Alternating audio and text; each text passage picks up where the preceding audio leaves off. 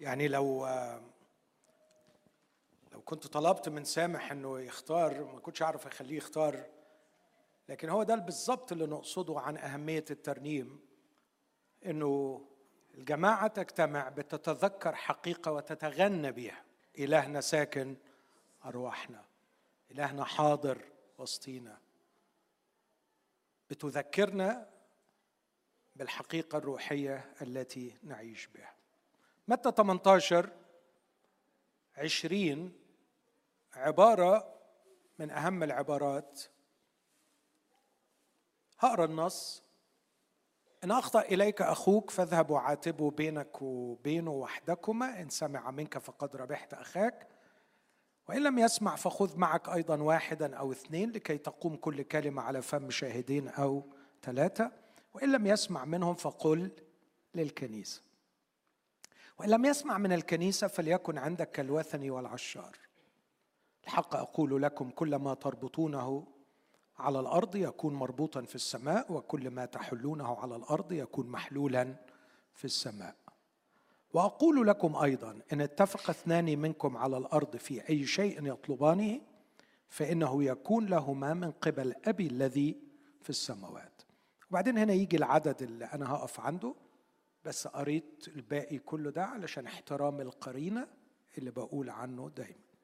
لأنه حيثما اجتمع اثنان أو ثلاثة باسمي فهناك أكون في وسطهم أعتقد أنه مفيش بلاش المبالغة. معظمنا عارف أو فاهم أنه ده النص المؤسس لاجتماعات الكنيسة.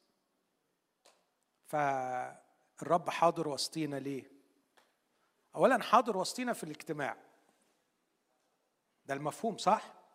لما نقول الرب حاضر وسطينا يبقى حاضر وسطينا فين؟ في الاجتماع.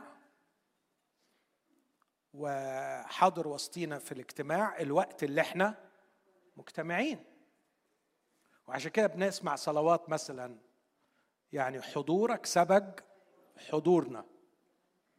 أو يا رب إحنا أنت قلت اتنين أو تلاتة تحضر وإحنا أكتر من كده فيبقى لازم تحضر. أهو إحنا عملنا اللي علينا وأنت بقى تعمل اللي عليك.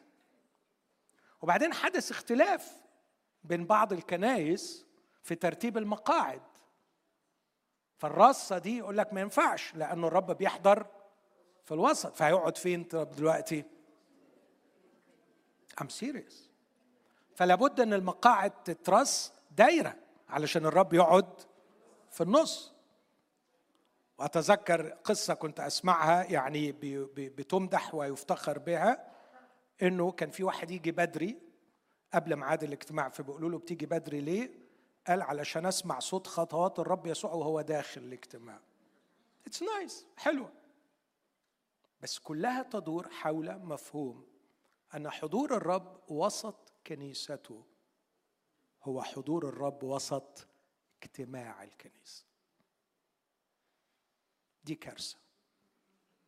تماما كقصر العبادة على الاجتماع.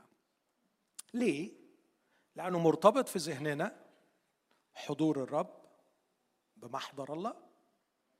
صح؟ في محضرك. في محضرك يهرب الحزن والتنهد. دي يعني إيه؟ عن اجتماع الكنيسة ملهاش أي علاقة باجتماع الكنيسة. بس ده حضور الرب. فحضور الرب اقتصر على مكان الكنيسة واجتماع الكنيسة.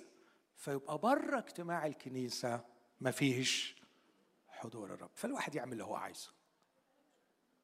يعمل اللي هو عايزه. أفكر زي ما أفكر أقول زي ما أقول ألبس زي ما ألبس أعمل ما أنا خارج محضر الرب. لكن لما نروح محضر الرب لازم نحترم هذا المحضر. السؤال بقى هل هذا النص يتعامل مع اجتماع الكنيسة؟ السؤال ده مهم قوي وأرجو أن تتسع قلوبكم وأفكاركم واحتمالي فيما سأطرح. أول حاجة حابب أقولها هقتبس من هذا الشارح العظيم ديفيد تورنر وده واحد من أفضل من شرحوا إنجيل متى. أدينا عمال أقول أسماء كتب علشان أشجع على القراءة. ده أستاذ في العهد الجديد وعنده شرح جميل لإنجيل متى. بيقول لأنه حيثما اجتمع اثنان أو ثلاثة باسم أنا بس بدي هو هو مش يعني مش مش ده اللي أنا عايز أقوله بس بوري لك مثال لإساءة استعمال العدد ده. بيقول هناك تعليق ليس له ما يبرره. الا الطريقة غير المحترمة. دي ترجمة حرف حرفية من مترجم محترف. وأنا بصراحة جايبها عشان عجباني اللغة بتاعتها.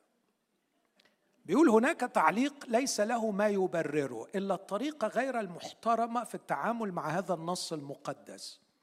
حيث يتم الاستشهاد به في كثير من الأحيان لطمأنة الاجتماعات الصغيرة للمسيحيين أن الرب حاضر معهم.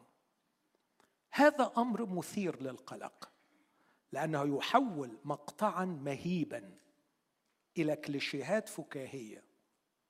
في الواقع الله حاضر في أي اجتماع مشروع لشعبه. مهما كان حجمه ولكن لا ينبغي للمرء أن يسيء التعامل مع الكتاب المقدس لإثبات ذلك. إن إخراج هذا المقطع المهيب من سياقه يدنسه. يدنسه. وفي نفس الوقت يستخف بواجب الكنيسة المقدس في الحفاظ على علاقات متناغمة بين الأشخاص. أنا بس يعني جبت الكود ده عشان أوريكم انزعاج هذا الرجل من إساءة استعمال هذا النص. دي وجهة نظري في هذا النص. هقولها وراجعها ورايا. متى 18 لا يتكلم عن الاجتماعات الكنسية التي فيها يلتقي المسيحيون معا ليبنوا أحدهم الآخر. ولا بالطبع يتكلم عن اجتماع كسر خبز لأن النص لا يشير إليه من قريب أو بعيد. ولا هو بالطبع اجتماع عبادة لأنه لا يوجد من الأصل في العهد الجديد ما يسمى اجتماع عبادة حيث أن الجماعة المسيحية قد صارت جماعة عابدة كل الوقت إنها تقف امامه تنظر مجده بوجه مكشوف طوال الوقت ومن هذا الموقف أمامه تجعل من حياتها الدنيوية العادية مجالا لتمجيد غير محدود ومتواصل للإرادة الإلهية على الأرض. لكن متى 18 20 هو وصف بمصطلحات يهودية لمصطلح الإكليسيا الكنيسة اليوناني اللي هو الجماعة المدعوة للخروج من أرض العبودية لتكون محل سكن الله في العالم الشكينة. إنه وصف لجوهر الكنيسة وهويتها وليس لاجتماعات المسيحيين. متى 18 20 وصف لجوهر الكنيسة وهويتها وليس وصف على الإطلاق لاجتماعات المسيحيين. ليه؟ للأسباب اللي أنا قلتها. اولا هو ما بيتكلمش هنا اطلاقا عن إن الناس جاية قاعدة ترنم ولا إن الناس بتكسر خبز خالص ولا الناس زي ما يقال عبادة لأنه زي ما قلنا موضوع اجتماع عبادة مش موجود من الأصل. العبادة في العهد الجديد كل الوقت في كل المجالات. لكن اللي حصل إن الرب يسوع أول إعلان أعلنه عن الكنيسة كان في متى 16 خد التلاميذ 150 كيلو شمالا وقفهم قدام الصخرة في قيصرية فيلبس قدام سبع هياكل وثنية تذبح الأطفال وقال لهم على هذه الصخرة أبني كنيستي وأبواب الجحيم. دي اسمها gates of hell لن تقوى عليه الكنيسة للعالم لكي تسحق العبادة الوثنية في العالم. أبواب الجحيم لن تقوى عليه بس هم حرام. كلمة الكنيسة أول مرة اسمعوها. هم يعرفوا الأمة يعرفوا الشعب لكن ما يعرفوش كلمة كنيسة إيه كنيسة دي؟ والرب ما اداش أي تفسير ساعتها. فكان لابد على الرب أن يفسر لهم معنى الكنيسة. تاني مرة والأخيرة اللي الرب استخدم فيها كلمة كنيسة جت في متى؟ 18 وجات بصدد إن أولاد الله لما هيتعاملوا مع بعض هتحدث بينهم مشاكل بيقول لهم إيه الأخلاق المسيحية اللي يحلوا بيها المشاكل؟ ولو الأمور تعقدت يذهبوا إلى الكنيسة. ويروح للكنيسة يقول للكنيسة والكنيسة تحل وتربط لأن هي الكيان الإلهي اللي ليه سلطان على الأرض. وراح مدينا تعريف للكنيسة. الكنيسة كلمة يونانية اك ليسيا والإك خروج وليسيا مدعوة. فهناك جماعة دعاها الله لتخرج من العالم الوثني لتكون مسكن الله على الأرض. Very simple. إكليسيا.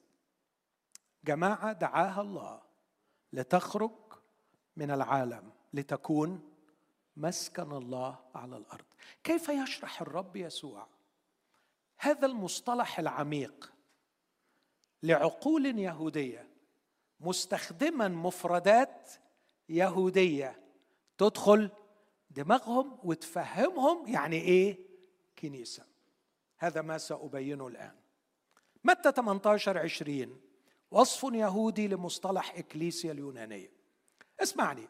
الكنيسة في تيموساوس الأولى 3 15 هي بيت الله أي عائلته هي كنيسة الله الحي أي مجلسه الحاكم مجمع الله كنيسة بتاعه. وهي عمود الحق وقاعدته فهي رسوله الشاهد. ثلاث صفات وصف بهم بولس الكنيسة. نقولهم مع بعض. بيت الله كنيسة الله الحي عمود الحق وقاعدته أنتوا تعبتوا أكيد. بيت الله يعني إيه بيته؟ مش مبنى لكن بيت الله بالمفهوم الصعيدي عندنا. بيت عم سورجيوس ولا سرجيوس يبقى إيه؟ عيلة سرجيوس. بيت الله يعني عيلة الله. كنيسة الله الحي هيز كنيست المجلس بتاعه المجمع بتاعه اللي بياخد منه القرارات اللي بيدير منه العالم كله. كان عنده مجلس من أبناء الله في السماء لكن دلوقتي هيبقى مجلسه الهولي وانز الجداد اللي هم كنيسة. لكن كمان اسمها عمود الحق وقاعدته رسوله الشاهد. يسوع هو الحق وهي عمود الحق وقاعدته فيسوع معلن بالشهادة في هذا الكيان. وبناء عليه أقدر أقول إنه متى 18 يصف التعبير الأوسط يصف كنيسة الله الحي. هي مجمع الله مجلسه الحاكم في الظهر الحاضر يتميز بخمس سمات. اولا هو اجتماع له. ثانيا هو اجتماع باسمه. ثالثا هو اجتماع حوله أو حول اسمه. رابعا هو اجتماع في وسطه يسوع. خامسا هو اجتماع للشهادة. تعالوا نشوف معاني الكلمات دي. أول واحدة هو اجتماع له. بناء على ترجمات معينة بتستعمل حيثما اجتمع اثنين أو ثلاثة on to my name مش by my name. ودي ترجمة إلى حد كبير دقيقة يمكن في اليوناني فعلا إنها تترجم كده. فالناس دول خرجوا إلى اسمي اجتمعوا إلى اسمي. التعبير ده علشان يتفهم أعتقد أن صمويل الأول 22 عدد واحد واثنين في غاية الجمال. داود هو الملك الممسوح من الله. المعين من الله لكنه ملك مرفوض من شاول. وشاول يطارده كالحجل في الجبال. لكن حصلت حاجة عجيبة في صمويل الأول 22 لما داوود راح لمغارة عدلام يقول الكتاب اجتمع إليه. كل رجل متضايق كل مر النفس كل من كان عليه دين فكان عليهم رئيسا. وتكونت النواة الأولى لأبطال داوود رجال داوود. اللي يقول عنهم في صمويل الأول 23 هذه هي أسماء أبطال داوود. خرجوا إليه وبيقولوا إحنا حطينا روحنا اتريسك لأنك أنت مطرود ومرفوض لكن في نفس الوقت إحنا مقتنعين ومؤمنين إنك أنت المعين من الله. وأنت مسيح الرب. وهذا الرجل رجل شرير. فنحن خرجنا واجتمعنا إليك. ده تعبير في غاية عايز أقول الوضوح بالنسبة لليهود. اجتمعوا إليه كما اجتمع رجال داوود إليه. فالمسيح في هذا العالم هو الملك المرفوض من العالم. لكن المقبول من شعبه. فله جماعة تعترف به إيه؟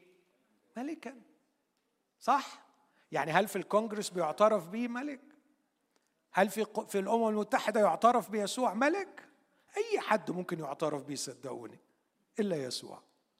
لكن له شعب له كنيسة له جماعة تقول له نحن نعترف بك.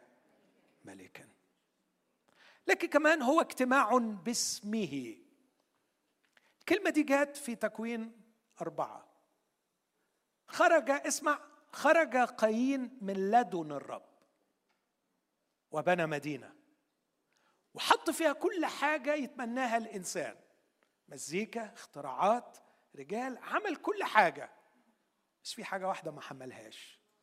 لا هيكل ولا مذبح.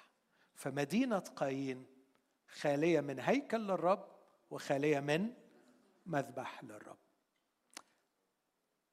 بس آدم خلف ولد وسماه شيث وشيث خلف ولد وسماه انوش ويختم أصحاح أربعة بالعبارة دي حينئذ أبتدئ أن يدعى باسم الرب.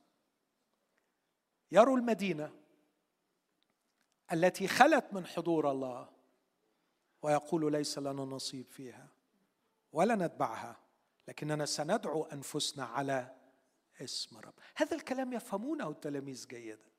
فلما يقول لهم كنيسة أنتم نسل شيث الرافض لمدينة قايين وأنتم أبطال داوود الرافضين للتمرد الحادث والتابعين للملك المرفوض. أنتم نسل شيث الرافضين لمدينة قايين وأنتم التابعين للملك المرفوض.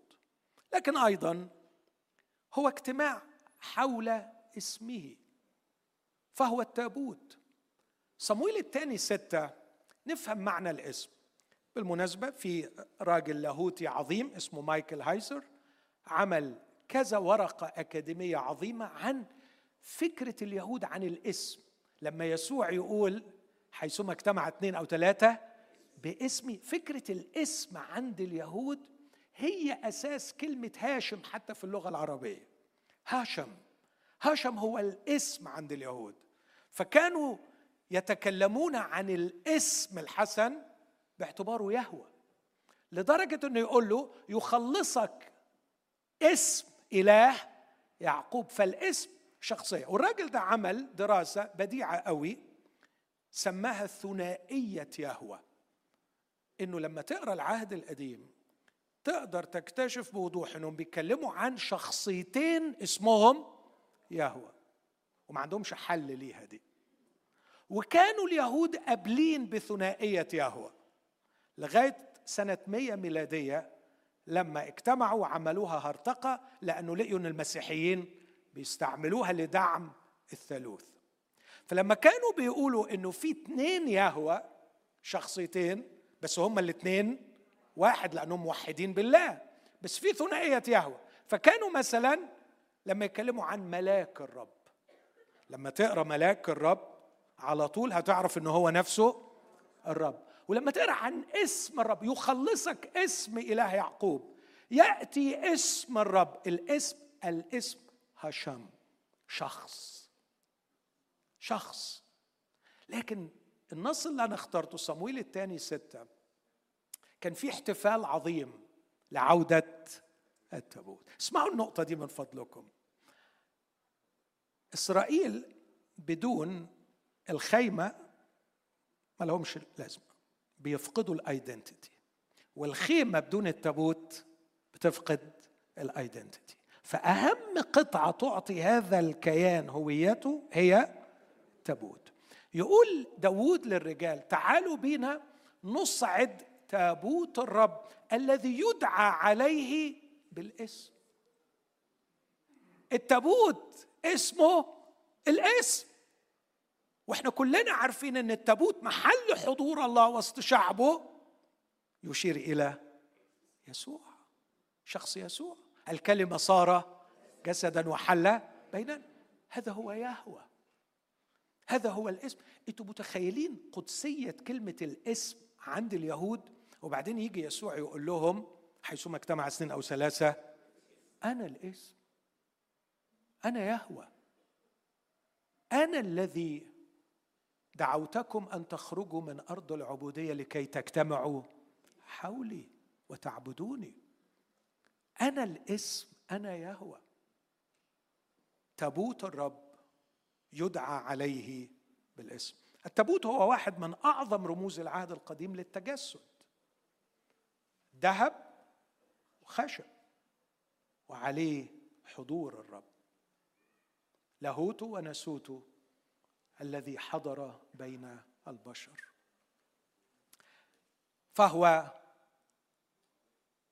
الاسم أي هو في الأقداس السماوية التابوت داخل الأقداس. وعندما تجتمعون حوله تجتمعون في الأقداس. لكن كمان هو اجتماع في وسطه يسوع. كلمة الوسط عندهم برضو تثير انتباههم لأنه لما طلعهم من أرض العبودية قال لهم آه، اجمع منهم ذهب وفضة ليصنعوا لي مسكنا لكي أسكن في وسط. هناك أكون في. أول ما يسمعوا الكلمة دي إيه ده؟ أنت بتعد لنا حكاية سفر الخروج. إحنا خرجنا من هذا العالم إكليسيا. خرجنا من هذا العالم إلى الملك المرفوض. خرجنا من هذا العالم رافضين مدينة قايين. خرجنا من هذا العالم لنلتف حول حضور الرب. خرجنا من هذا العالم لكي نصير محل سكنة. الرب إقامة الرب كل دي الكنيسة. أخيرا كلمة اثنين أو ثلاثة. ثلاث مرات تتكرر في النص اثنين أو ثلاثة وادانا معناها ان كل كلمة تقوم على فم شاهدين. فلما يقول حيثما اجتمع اثنين أو ثلاثة الرقم القانوني للشهادة. عايز يقول إن الجماعة دي ستكون جماعة شاهدة للرب. سفر الأعمال اصح واحد سيبكم من حكاية الملك لإسرائيل تكونون لي شهودا اذا خلاصة متى 18 يشرح الرب ما هي الكنيسة في جوهرها وهويتها من الخمس حقائق دول نقدر نستنتج الآتي. الكنيسة جماعة خارجة من هذا العالم رافضة لمدينة قايين. المتدين الكاذب أول متدين وأول قاتل. الجماعة خارجة من النظام الديني. خرجت من العالم الشرير وتدعو باسم الرب. الكنيسة هي جماعة تتبع الملك المرفوض فاجتمعت إلى يسوع. الكنيسة جماعة تلتف حول يسوع باعتباره الاسم الحضور الإلهي بينهم.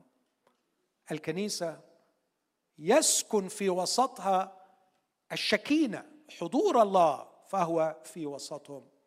والكنيسة هي الجماعة التي تشهد للرب في هذا العالم.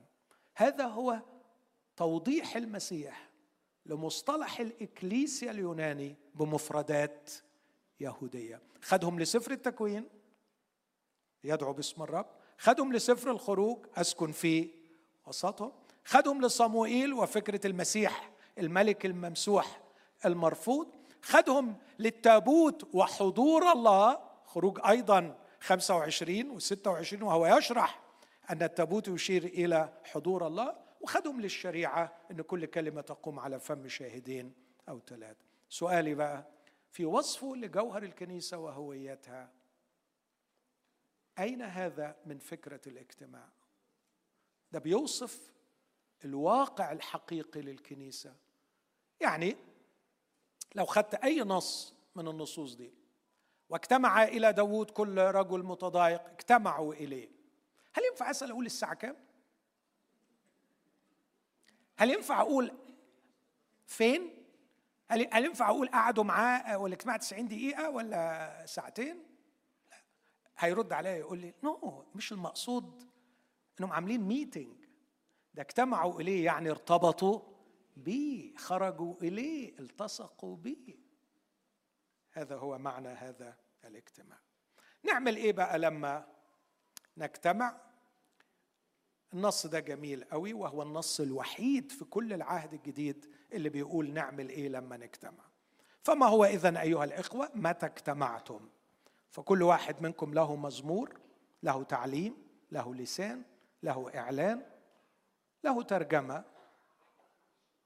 فليكن كل شيء للبنيان. لو حد حب يطبق النص ده حرفيا دلوقتي 90% من الكنائس أو أكتر ما يعرفوش يعملوا الحاجات دي. أنا مش فاهم يعني إيه مزمور تعليم لسان إعلان ترجمة. حتى الكنائس اللي بتؤمن بالحاجات دي مش بتمارسها في الاجتماعات برضه بيرنموا ويصلوا ويوعظوا زين صح؟ فليكن كل شيء للبنيان. كان أحد يتكلم بلسان اثنين اثنين على الأكثر ثلاثة ثلاثة وبترتيب وليترجم واحد. حد شاف الكلام ده؟ هل ده الشائع في الكنائس؟ نو no واي ولكن إن لم يكن مترجم فليصمت في الكنيسة وليكلم نفسه. والله. ممكن يرد يقول ما أنا جاي أعبد. له اسكت خالص العبادة بره. أنت جاي هنا تبني. عشان كده اعمل إيه؟ اسكت ما تعملش شوشرة. كلم نفسك وربنا. أما الأنبياء فليتكلم اثنان أو ثلاثة وليحكم الآخرون. ولكن إن أعلن لآخر جالس فليسكت الأول. فين الكلام ده؟ وإزاي يتطبق؟ يعني واحد يقول له خلاص أنا أعلن ليا أقعد أنت؟ لأنكم تقدرون جميعا أن تتنبأوا واحدا واحدا ليتعلم الجميع ويتعزى الجميع. وأرواح الأنبياء خاضعة للأنبياء. لئلا يقولوا دي حاجات روحية ما نقدرش نتحكم فيها قال لهم لا. أرواح الأنبياء خاضعة ليهم يعني يقدر يقول لنفسه نو. لأن الله ليس إله تشويش بل إله سلام. كما في جميع كنائس القديسين. لتصمت نساءكم في الكنائس لأنه ليس مأذونا لهن أن يتكلمن بل يخضعن كما يقول الناموس أيضا. عاملة مشاكل كتير. وكم واحد مطبق الكلام ده؟ عندنا مشاكل في هذا النص. ولكن كنا يريدنا أن يتعلمن شيئا فليسالن رجالهن في البيت لأنه قبيح بالنساء أن تتكلم في كنيسة. أم منكم خرجت كلمة الله؟ أم إليكم وحدكم انتهت؟ إن كان أحد يحسب نفسه نبيا أو روحيا فليعلم ما أكتبه إليكم إنه وصايا الرب. ولكن إن يجهل أحد فليجهل. إذا أيها الإخوة جدوا للتنبؤ ولا تمنعوا التكلم بألسنة وليكن كل شيء بلياقة وبحسب ترتيب. إزاي نقدر نفهم النص ده؟ أنا بفهم النص ده كالآتي. الرسول ينظم اجتماعات الكنيسة بأنه بيحط قاعدتين قاعدة خاصة بالمحتوى وقاعدة خاصة بالأسلوب. من جهة المحتوى حاسم واضح زي ما هو باين قدام حضراتكم عاملها بلون وحديها فليكن كل شيء للبنيان لكي يتعلم الجميع ويتعزى الجميع. ده من جهة المحتوى. اسمعوني بقى. قد تتغير معاملات الله مع الكنيسة من عصر إلى عصر. فيكون ما يبني الكنيسة في عصر ما يختلف عن ما يبنيها في عصر آخر. أكيد كله أساسه كلمة الله. لكن مش بالضرورة أن كل المواهب وكل العطايا وكل الأشياء التي استعملها الروح القدس في حقبة ما هي نفسها بالحرف تتم في بقية تاريخ الكنيسة. لكن اللي الشيء الأكيد إن الأشياء دي أدت إلى بنيان الكنيسة. الكنيسة اليوم من الممكن أن يكون هناك أشياء أخرى. يمكن أن يعملها الروح القدس. وعلينا أن نكون منفتحين أن يعمل الروح القدس شيئا جديدا وشيئا مختلفا. لكن تأطير هذه الأشياء واعتبارها الأساليب الوحيدة التي بها يبني الله كنيسته غير منطقي وغير عملي. لأن الكنيسة اتبنت على مدار الألفين سنة وما حصلش فيها الكلام ده. أنا اتولدت وقربت أمشي بلف على كل الكنايس. ما شفتش حكاية اتنين أنبياء يتكلموا أو ثلاثة والباقي قاعدين بيحكموا واللي حاولوا يطبقوها بشكل ما كان شكل هزلي وغير حقيقي بالمرة. فكرة أنه أعلن لواحد جالس فليصمت الأول كلام عمرنا ما شفناه. لكن الروح القدس الحاضر في الكنيسة ما زال يعمل اليوم.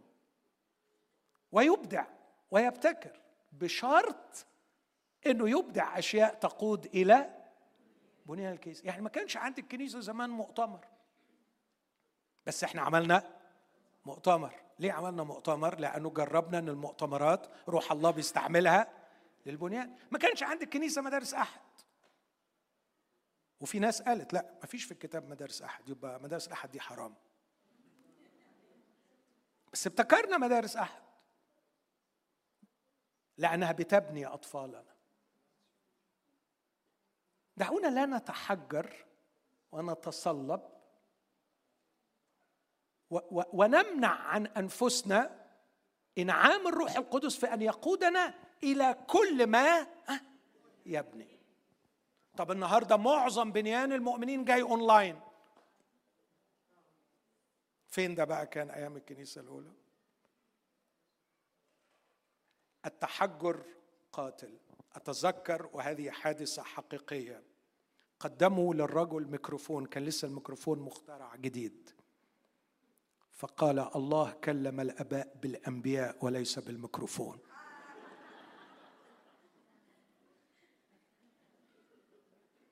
تحجر. دمار للروح وللعقل.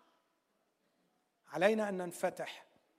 الروح القدس الذي كان في الكنيسة في ذلك العصر هو هو أمس واليوم في كنيسة الله. كان غرضه في القرن الأول إنه يعمل إيه؟ يبني كنيسه اسمعوني في العبارة اللي جاية. يبني الكنيسة طبقا للمواهب التي أعطاها الله وطبقا للظروف الاجتماعية التي كانت سائدة. العصور تتغير والظروف الاجتماعية تتغير الروح القدس لا يتغير من جهة غرضه في أن يحقق بنيان الكنيسة. أي شيء يقودنا ليه الروح القدس؟ يبني الكنيسة فلنفعله. أمين؟ وأي شيء نستشعر أنه لا يبنينا حتى وإن كان له أصل تاريخي. حتى وإن كان مجده الآباء في عصر ما. لكننا لسنا مدعوين للحفاظ على تراث الآباء.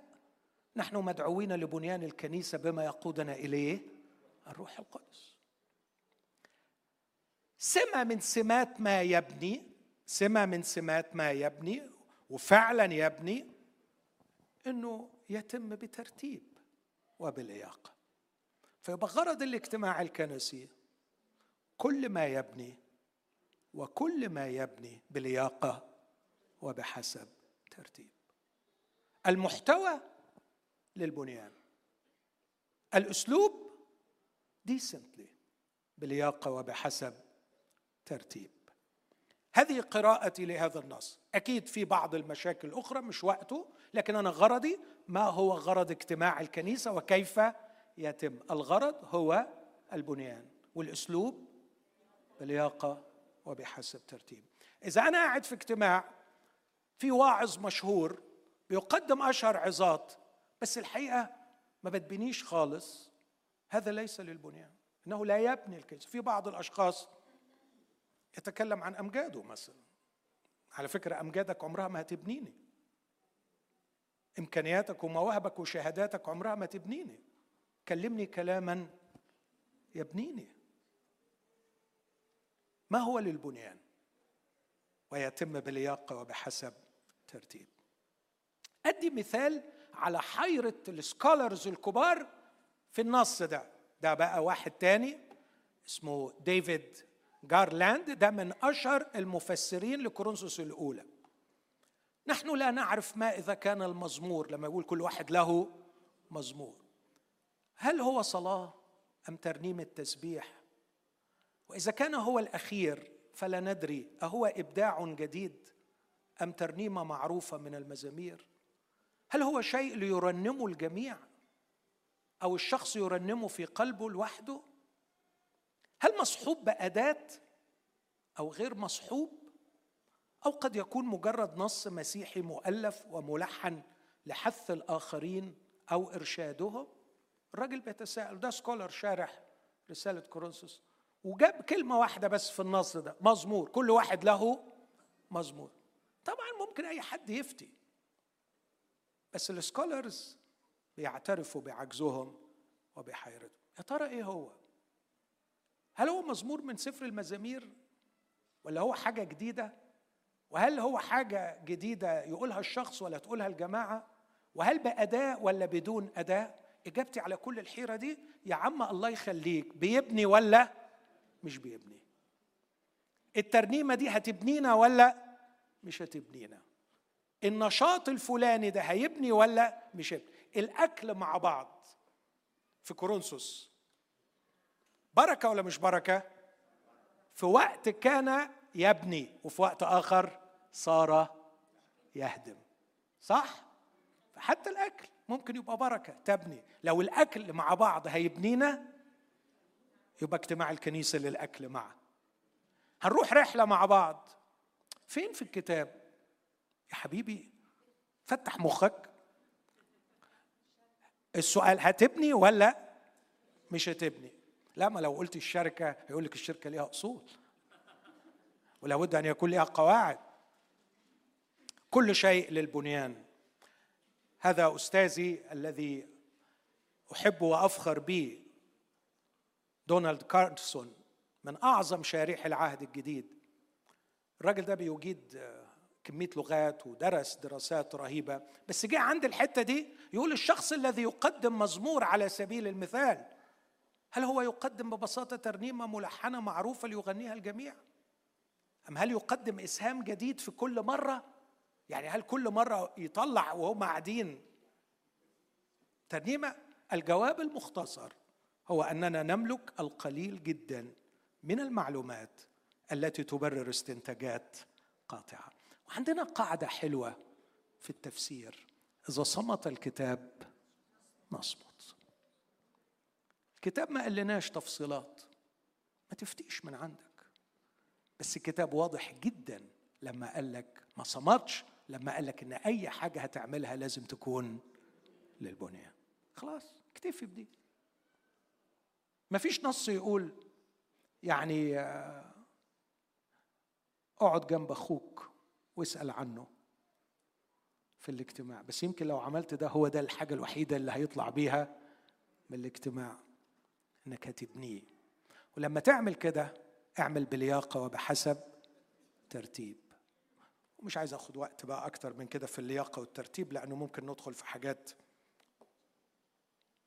ده شرح لل يتعلم يتعزى التشويش اللياقه الترتيب ما فيش وقت ليه لكن هختم بالمنظر ده. ده عامله جيمس سميث فيلسوف مسيحي في كتاب أنت ما تحب you are what you love بص معايا في الرسم ده نقدر نفهم منه حاجة لأنه بيتكلم عن الليتورجية. الليتورجية اللي تبنينا هو بيقول إنه شايفين القوس ده اهدي الليتورجية. محتضنه قلبي. القلب فيه عادات معينة.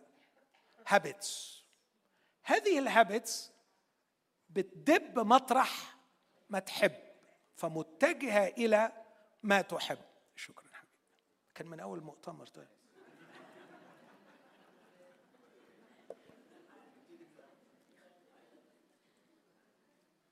متجهة إلى target ال target العلامة بتاعت النشان ده أن نعيش حياة العبادة الحقيقية في العالم. فخدوا بالكم اللي عايز يقوله جيمس سميث إنه كلنا دلوقتي اللي قاعدين هنا عايزين نطلع للعالم نبقى عباد حقيقيين. أمين؟ متفقين معايا؟ نفسي فعلا أبقى عابد حقيقي. فاكرين الصفات اللي قلتهم؟ صبور وشجع وكريم وإلى آخر هذه الصفات. عايز أبقى الشخص ده. بس أنا مش قادر أبقى ده. لأنه بصراحة رغباتي بتجرجرني على الفيسبوك أكتر من إن أقرأ كلمة الله.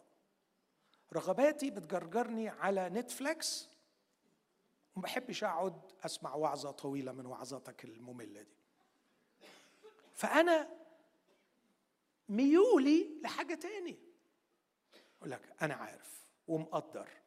وعلى فكرة أنا فاهم كويس إن الرجل تدب مطرح ما تحب. طب ما تيجي نغير لك اللي بتحبه علشان رجلك تدب صح. إيه رأيك؟ نغير لك اللي انت بتحبه. طب غير لي اللي أنا بحبه. عارف يعني إيه تغير لي اللي أنا بحبه؟ يعني تغير لي قلبي. آه قال لك القلب يتغير بالتعود. ان إحنا نتعود على حاجة جديدة. دي شغلة الليتورجية. الكنيسة ينبغي أن تكون ذكية. منقادة بروح الله القدوس تختار فعالياتها وأنشطتها لتغيير محبات المؤمنين.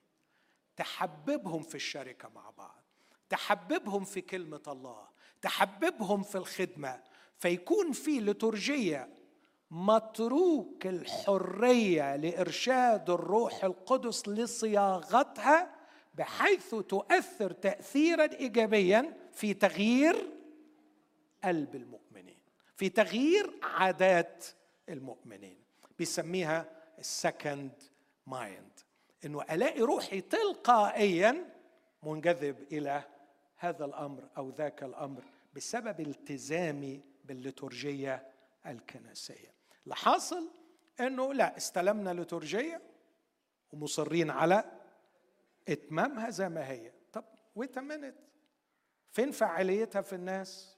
مفيش. بس اللي استلمناه لازم نستمر به هذا إحزان لعمل الروح القدس. هل نحتاج إلى الليتورجيه definitely نحتاج إلى الليتورجيه ممكن تدخل على اليوتيوب على القناة بتاعتي وهتلاقي مؤتمر كامل بعنوان ليتورجية الوصية السابقة. وأنا مقدم محاضرة فيه للفريق كله. أنا مقدم محاضرة بعنوان الإنسان كائن ليتورجي. يعني الإنسان ما يقدرش يعيش من غير ليتورجيه وللأسف الشديد الثقافة الاستهلاكية أدركت ده وبتستعمله. والكنيسة ما بتعرفش تستعمله. فكر كده في المول. فكر في المول. المول مبني بقباب. خصوصا لو رحت لندن أو رحت لافايت لو رحت فرنسا تلاقي المول مصمم على ال cathedrals لأنهم أدركوا إن الإنسان كائن ليتورجي. وبعدين تدخل لازم تبقى النظافة رهيبة والريحة حلوة. وأول ما تدخل تلاقي في شوية رجالة وستات واقفين لك على الصفين في البتارين بيغزوك. يقول لك بص مفيش كرش. بص الأناقة بص الجمال بس على فكرة أنت تقدر تبقى زيي. لو عملت إيه؟ لو اشتريت. وبعدين لازم يوفر لك مكان تاكل فيه ولازم يوفر لك سهولة شديدة في الدفع علشان تحب المول. ولما تحب المول تشتري. انساش يعني واحدة عزيزة عليا بقول لها حبيبتي مراتي. بقول لها حبيبتي انت تعبانة بس سبحان الله لما بنروح المول بتبقي زي الرهوان هو إيه اللي بيحصل؟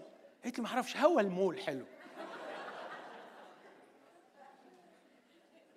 لقد نجحت الثقافة الاستهلاكية في أن تغير محباتنا لكي نشتري. الكنيسه المفروض تغير عاداتنا وتغير محباتنا. من خلال ابتكار لترجي اتفرج على ليفربول؟ اتفرج على منظر الاستاد قبل الماتش. انت بتتفرج على ليتورجية شايفين لما بيقفوا يغنوا لهم؟ You will never walk alone. ترنيمة. تسبيح. لما يمسكوا ايدين بعض ويشعروا بالوحدة ويبكوا مع بعض ويفرحوا مع بعض. لقد خلق نظام كرة القدم لترجية علشان يحبب الناس في المجيء وبيجوا ويروحوا لما بيروحوش. fully booked all the time. لأنهم غيروا المحبة. جعلوهم يحبوا هذا المكان. الإنسان كائن لترجي والروح القدس ليس فقيرا. في أن يبدع من خلال المبدعين في الكنيسة لترجية قادرة على تغيير عادات المؤمنين ومحباتهم لكي تجعلهم يحبوا كل ما هو للبنيان بشرط أن يمارسوه بلياقة وبحسب ترتيب. أشكركم على احتمالكم الوقت الطويل. أتمنى شكرا. شكرا. آه أنا ممتن إنه كان عندي فرصة أدرس آه الأفكار اللي طرحتها مثيرة آه للجدل تحتاج إلى مراجعة وإلى دراسة. أرجوكم راجعوها فكروا فيها ادرسوها انقضوها بالدال وراجعوا ما فيها على كلمة الله وإذا وجدتم فيها شيئا بانيا اعملوا بها. إذا وجدتم فيها شيئا لا يبني ارميها على جنب لغاية ما في يوم من الأيام ربنا يمكن يخليك تراجعها وتفكر فيها. مرة تانية بشكر الأسيس أمير وبشكر الكنيسة الشيخ فوزي وأحبائي على استضافتهم والرب يعطي كلمته ثمرا فينا. آمين. خلونا نقف نختم مع سامي